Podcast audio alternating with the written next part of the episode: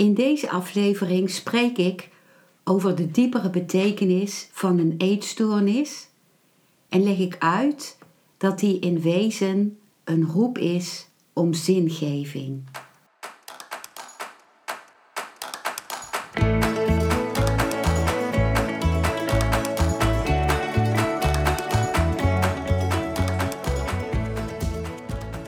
Welkom bij een nieuwe aflevering van Modita's podcast Van Pijn naar Zijn. De podcast waarin ik je meeneem voorbij de pijn in je leven naar wie je diep van binnen bent. Hoe kun je beter omgaan met je gevoelens? Hoe vind je rust in je hoofd? Wat zit er precies achter je pijn? En vooral, hoe kun je steeds meer jezelf zijn? Adem eens diep in en uit. Ik wens je veel luisterplezier.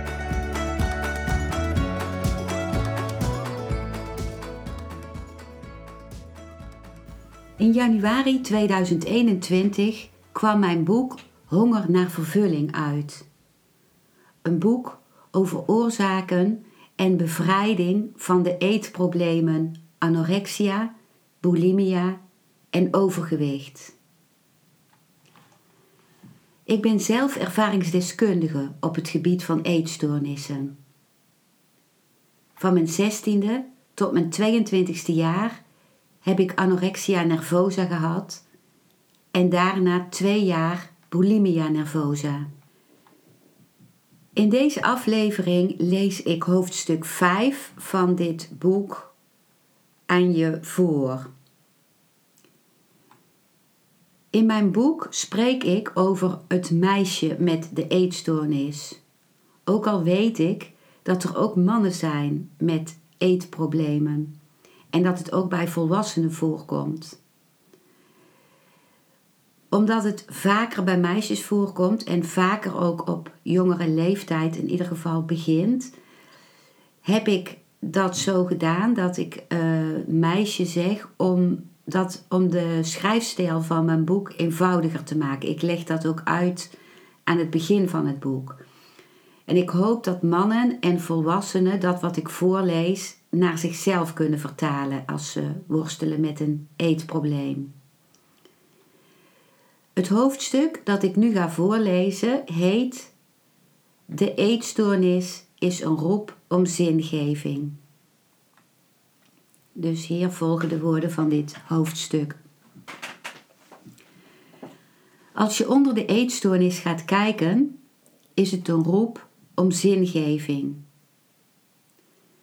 Ik kan mijn eetstoornissen pas achter me laten als ik zin kan geven aan mijn leven. Als ik in contact kom met dat wat via mij uitgedrukt wil worden in de wereld. En als ik voel wie ik in wezen ben. De kracht die gebruikt wordt in het worstelen met de eetstoornis kan door het meisje worden ingezet voor zingeving. Alle energie die ze tot nu toe gericht heeft op bezig zijn met haar uiterlijk, kan ze met de benodigde hulp omzetten in het vormgeven van haar passie, het aangaan van waardevolle contacten, het genieten van haar lichaam. En het zich verbinden met haar kern. Het uh, subhoofdstukje dat volgt heeft als titel Mystiek Verlangen. Het verlangen van het meisje met anorexia is een spiritueel verlangen. Ze ervaart dat haar geest gevangen wordt gehouden door haar lichaam en wil die geest daaruit bevrijden. In veel religies heeft vasten een spirituele betekenis. Het verteren van voedsel door de darmen kost namelijk veel energie en richt de levensenergie naar buiten. Het zich onthouden van voedsel kan helpen om deze energie naar binnen te richten. In India wordt vasten ook gebruikt als reiniging van ziektes of om zich open te stellen voor visioenen. Ik ervaar dat de helderheid die door het vasten ontstaat niet langer dan een paar dagen duurt. Daarna verandert die in een zombieachtige waas zonder enig gevoel van bezieling. Spiritualiteit is niet mogelijk zonder een verbinding te hebben met de aarde. Alleen vanuit deze verbinding kan er een energiestroom op gang komen die via het lichaam contact maakt met het kosmische bewustzijn. Daarom zijn boeren vaak spiritueel. Ze staan met beide voeten in de aarde en zijn tegelijkertijd verbonden met de lucht daarboven. Als kind raakt het boek Zuster Luc van Catherine Hulme me. Daarin wordt het gedisciplineerde leven van een jonge non beschreven die volledig is toegewijd aan het geestelijke. Ik heb diep respect voor de wijze waarop zij zich naar binnen keert en zich verbindt met het goddelijke.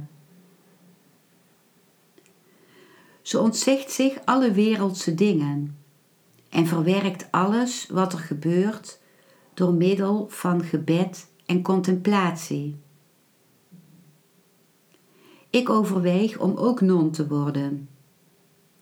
Ik wil me helemaal richten op het innerlijke leven en afzien van alle wereldse zaken, waaronder seks. Toch voel ik dat het leven van een non niet mijn weg is en dat ik hetgeen ik in zuster Luc zie op een andere manier vorm wil geven. Het verlangen van het meisje met anorexia is om zichzelf om te vormen tot een heel mooi ascetisch en zuiver iemand. Ze wil zich met haar geest verheffen boven het lichamelijke en stoffelijke. Door boven honger te gaan staan, probeert ze haar lichaam te overwinnen. Iets wat voor haar kostbaarder is dan het genieten daarvan. Omdat ze zo in dit ideaal opgaat, neemt ze niet waar dat wat ze werkelijk voelt iets heel anders is. Gevoelloosheid door de uithongering en volkomen uitputting door de vele lichamelijke inspanningen. Toch is haar streven naar geestelijke vrijheid een prachtig verlangen dat niet van haar afgenomen moet worden. Ze kan dit verlangen op een andere manier vormgeven dan het weigeren van voedsel. Bijvoorbeeld door te mediteren en door haar passie te volgen. Het volgende subhoofdstukje heeft als titel Het volgen van de innerlijke drijfveren. Om de eetstoornis los te kunnen laten, moet er eerst iets voor in de plaats komen. Iets om echt voor te leven. Iets wat het leven zin geeft. Het meisje kan ontdekken wat haar leven zin geeft door contact te maken met haar gevoelens en behoeften. Als ik door de therapie die ik volg weer in verbinding kom met mijn gevoelens, ontdek ik mijn passie. Die was er achteraf gezien al in mijn kindertijd. Organiseren, anderen enthousiast maken, nieuwe projecten ontwikkelen, dansen en bezig zijn met psychologische onderwerpen.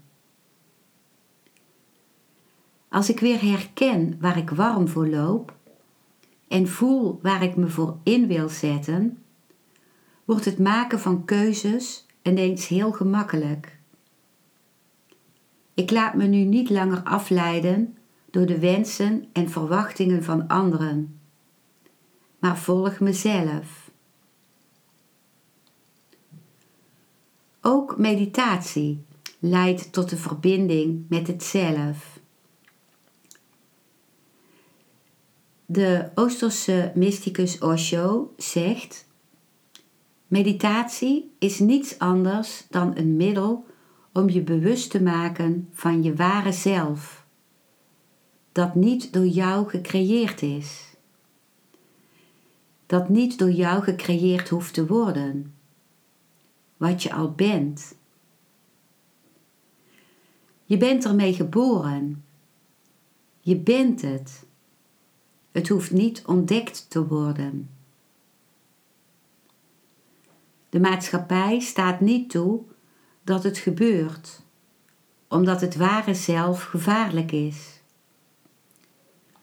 Gevaarlijk voor de gevestigde kerk. Gevaarlijk voor de staat. Gevaarlijk voor de menigte. Gevaarlijk voor de traditie. Omdat wanneer een mens eenmaal zijn ware zelf kent, hij een individu wordt. Hij behoort niet langer tot de massapsychologie. Hij zal niet meer bijgelovig zijn en kan niet meer uitgebuit worden. Hij kan niet meer als vee geleid worden.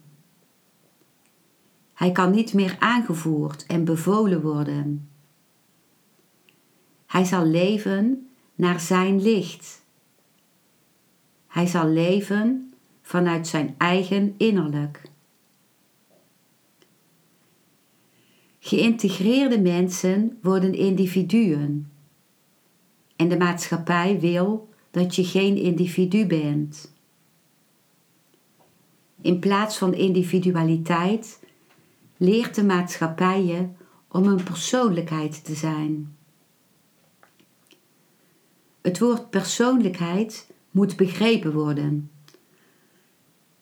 Het komt van de wortel persona. Persona betekent masker. De maatschappij geeft je een vals beeld van wie je bent. Zij geeft je alleen maar een stuk speelgoed. En jij blijft je je hele leven aan dat stuk speelgoed vastklampen. Zoals ik het zie, is bijna iedereen op de verkeerde plek. De persoon die een enorm blije arts geweest zou zijn, is een schilder. En de persoon die een enorm blije schilder geweest zou zijn, is een dokter. Niemand lijkt op de goede plaats te zijn. En dat is waarom deze hele maatschappij zo'n zootje is. Ieder persoon wordt geleid door anderen. Hij wordt niet geleid door zijn eigen intuïtie. Meditatie helpt je om je eigen intuïtieve faculteit te laten groeien. Het wordt heel helder wat je zal gaan vervullen, wat je zal helpen bloeien. En wat het ook is, het zal voor elk individu anders zijn. Dat is de betekenis van het woord individu. Iedereen is uniek. En om jouw uniek zijn te zoeken is een fantastische sensatie. Een groot avontuur.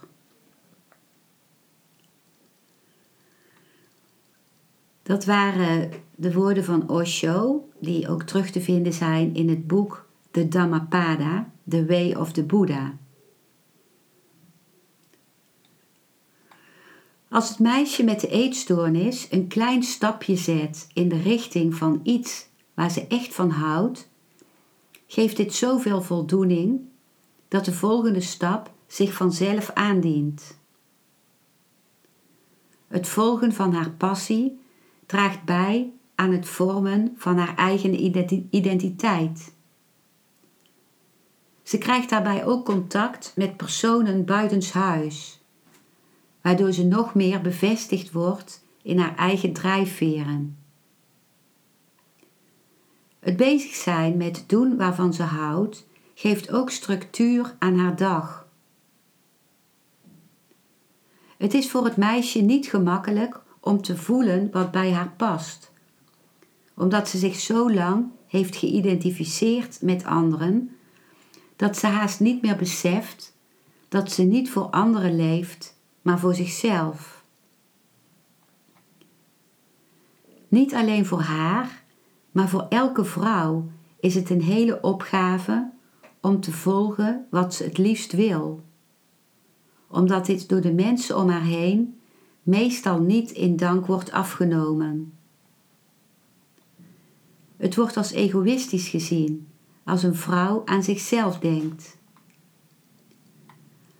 Mannen steunen haar ambities meestal niet en tussen vrouwen onderling komt er al gauw jaloezie om de hoek kijken, als een van hen haar eigen drijfveren volgt.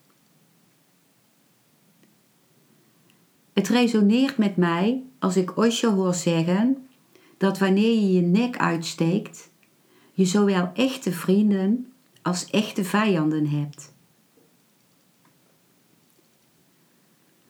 Viresh, grondlegger van de Humaniversity, dat is een internationale school voor persoonlijke groei, deelt op een dag met Osho dat hij drugsverslaafde mensen wil leren mediteren, maar hen eerst van de drugs af wil helpen. Osho antwoordt dan dat dit de verkeerde volgorde is. Hij legt uit dat je hen dan het enige houvast dat ze hebben afneemt, zonder dat daar nog iets voor in de plaats is gekomen. Hij benadrukt hoe belangrijk het is om hen eerst te leren mediteren, zodat ze in contact komen met hun innerlijke bron. Daardoor vinden zij het innerlijke houvast dat nodig is om de verslaving los te kunnen laten. Dit geldt ook voor eetstoornissen. Wanneer een meisje geen contact heeft met wie ze diep van binnen is, lukt het haar niet om afscheid te nemen van haar eetprobleem. We zijn allemaal geboren in verbinding met onze bron. In de loop van ons leven verliezen we de verbinding met deze bron steeds meer, omdat we ons de regels van de maatschappij eigen moeten maken om daarin te kunnen functioneren. Onze opvoeders schrijven ons voor wat we wel en niet moeten doen en vergelijken ons met anderen. Daardoor drijven we steeds verder af van wie we in wezen zijn en wat we zelf willen. Het enige wat nodig is, is het terugvinden van de verbinding met onze natuurlijke bron. De verbinding met wie we in wezen zijn. Osho zegt daarover: op de eerste plaats is er geen succes wat betreft het uiterlijke. Alle succes is slechts een poging om het falen toe te dekken. Er is maar één succes. Er zijn niet veel successen. En dat ene succes is jezelf te kennen, jezelf te zijn. Ik begrijp wat je bedoelt met succes naar uiterlijke maatstaven. De mens heeft uiterlijke normen voor succes gecreëerd om zichzelf te misleiden. Je kunt geld hebben. Je kunt een naam hebben. Je kunt prestige hebben. Maar als jij er niet bent, wat maakt het dan uit? Je kunt de hele wereld hebben. Maar als jij er niet bent, wat maakt het uit? In feite probeert de mens dingen te bezitten omdat hij zichzelf niet bezit. Dit is een strategie om het feit te verbergen dat hij zichzelf niet bezit. Dit is een manier om de innerlijke leegte weg te verklaren. Dit is een manier om te voelen: kijk, ik heb zoveel dingen. Wat heeft iemand nog meer nodig? Als je omringd bent door zoveel dingen, wat je succes naar uiterlijke maatstaven noemt, wat ben je dan precies aan het doen? Je bent aan het proberen om een substituut van hebben te creëren voor een leegte die je van binnen voelt. Het zijn ontbreekt en je bent aan het proberen om het te vervangen door hebben. En het kan niet vervangen worden door enig hebben. Dit is de hele worsteling van de menselijke mind. Dit zijn de twee richtingen: hebben en zijn. In het Westen heb je heel hard gewerkt om meer te hebben. In het Oosten hebben we hard gewerkt om meer te zijn. Ja, soms gebeurt het zelfs dat een bedelaar meer zijn kan hebben dan een rijk iemand.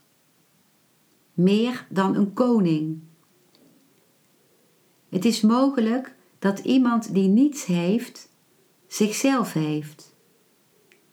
En in dat hebben zelf is vrede, is gelukzaligheid, is zegen. Dus het eerste dat ik je zou willen zeggen is dat er geen uiterlijke normen voor succes zijn. Het zijn pogingen om je innerlijke leegte te verdoezelen. Pogingen om jezelf te misleiden en te zorgen dat je het gevoel hebt dat je niet hebt gefaald. Er is maar één succes, absoluut maar één. En dat is te zijn. Daardoor bereik je extase. Daardoor bereik je het ultieme. Het is dus goed dat mensen als ik je illusie vernietigd hebben. Dat waren woorden van Osho, uit, uh, die ook opgeschreven zijn in het boek Sufis, The People of the Path. Het volgende subhoofdstukje heeft als titel Toekomstperspectief. Jaren geleden lees ik in een tijdschrift over een vrouw met anorexia die de aanwijzingen van haar huisarts opvolgt. Hij geeft haar de opdracht om met de trein naar Oost-Europa te reizen en helemaal alleen twee maanden onderweg te blijven. Als rantsoen voor de eerste dag moet ze vier krentenbollen meenemen. De vrouw is verbaasd, maar omdat ze zich wanhopig voelt tegenover haar eetprobleem, volgt ze het advies op. Als ze afscheid heeft genomen van haar gezin, zet ze zich in de trein met in haar tas de zak met de vier krentenbollen, waarvan ze zeker weet dat ze die nooit op zal eten. Zeker niet nu er niemand op haar zal letten. Als ze de grens overgaat, raakt ze helemaal geabsorbeerd door het nieuwe landschap dat aan haar voorbij trekt. Als ze heuvels en bergen ziet verschijnen, ervaart ze de heerlijke sensatie van een nieuwe wereld. Ze voelt zich levendig en geniet van de anonimiteit die haar vrijheid geeft. Niemand in de trein kent haar en in dit land is ze een onbekende. Dan krijgt ze honger. Ze kijkt naar de zak met krentenbollen die naar haar lonkt en weet ineens niet meer waarom ze niet van zoiets heerlijks zou genieten. Bovendien voelt ze dat haar lichaam kracht nodig heeft om zich in deze nieuwe omgeving staande te kunnen houden. Haar voedselweigering staat ineens mijlenver van haar af. Ze eet één krentenbol en dan een tweede. Verzadigd leunt ze tevreden terug in haar stoel en glijdt met de trein verder haar nieuwe avontuur in. Het tellen van calorieën ligt achter haar.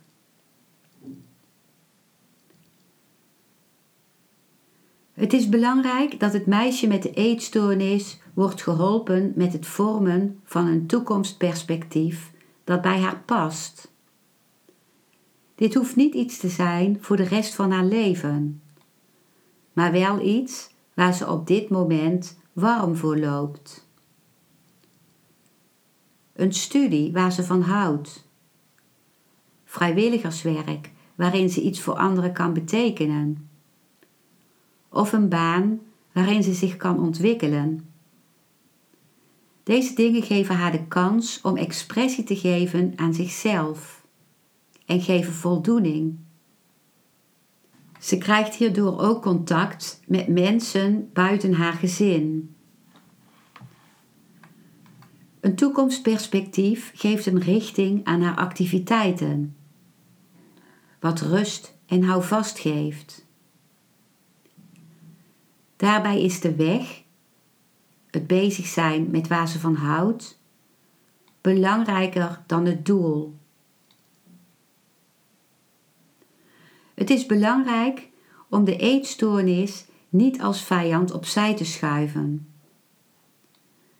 Het meisje kan haar alleen loslaten wanneer ze haar eerst omarmt en haar waardeert voor alles wat zij tot nu toe voor haar heeft gedaan, zoals bescherming tegen eenzaamheid of het vormen van een tijdelijk doel in haar leven. Ook kan het zo zijn dat ze zonder de eetstoornis niet losgekomen zou zijn van het gezin waaruit ze komt. En dat het eetprobleem haar naar de therapie heeft geleid waarin ze zelfrespect ontwikkelt en leert om zelfstandig te zijn.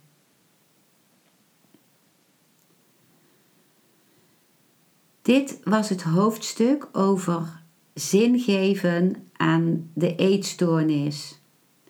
Het hoofdstuk De eetstoornis is een roep om zingeving.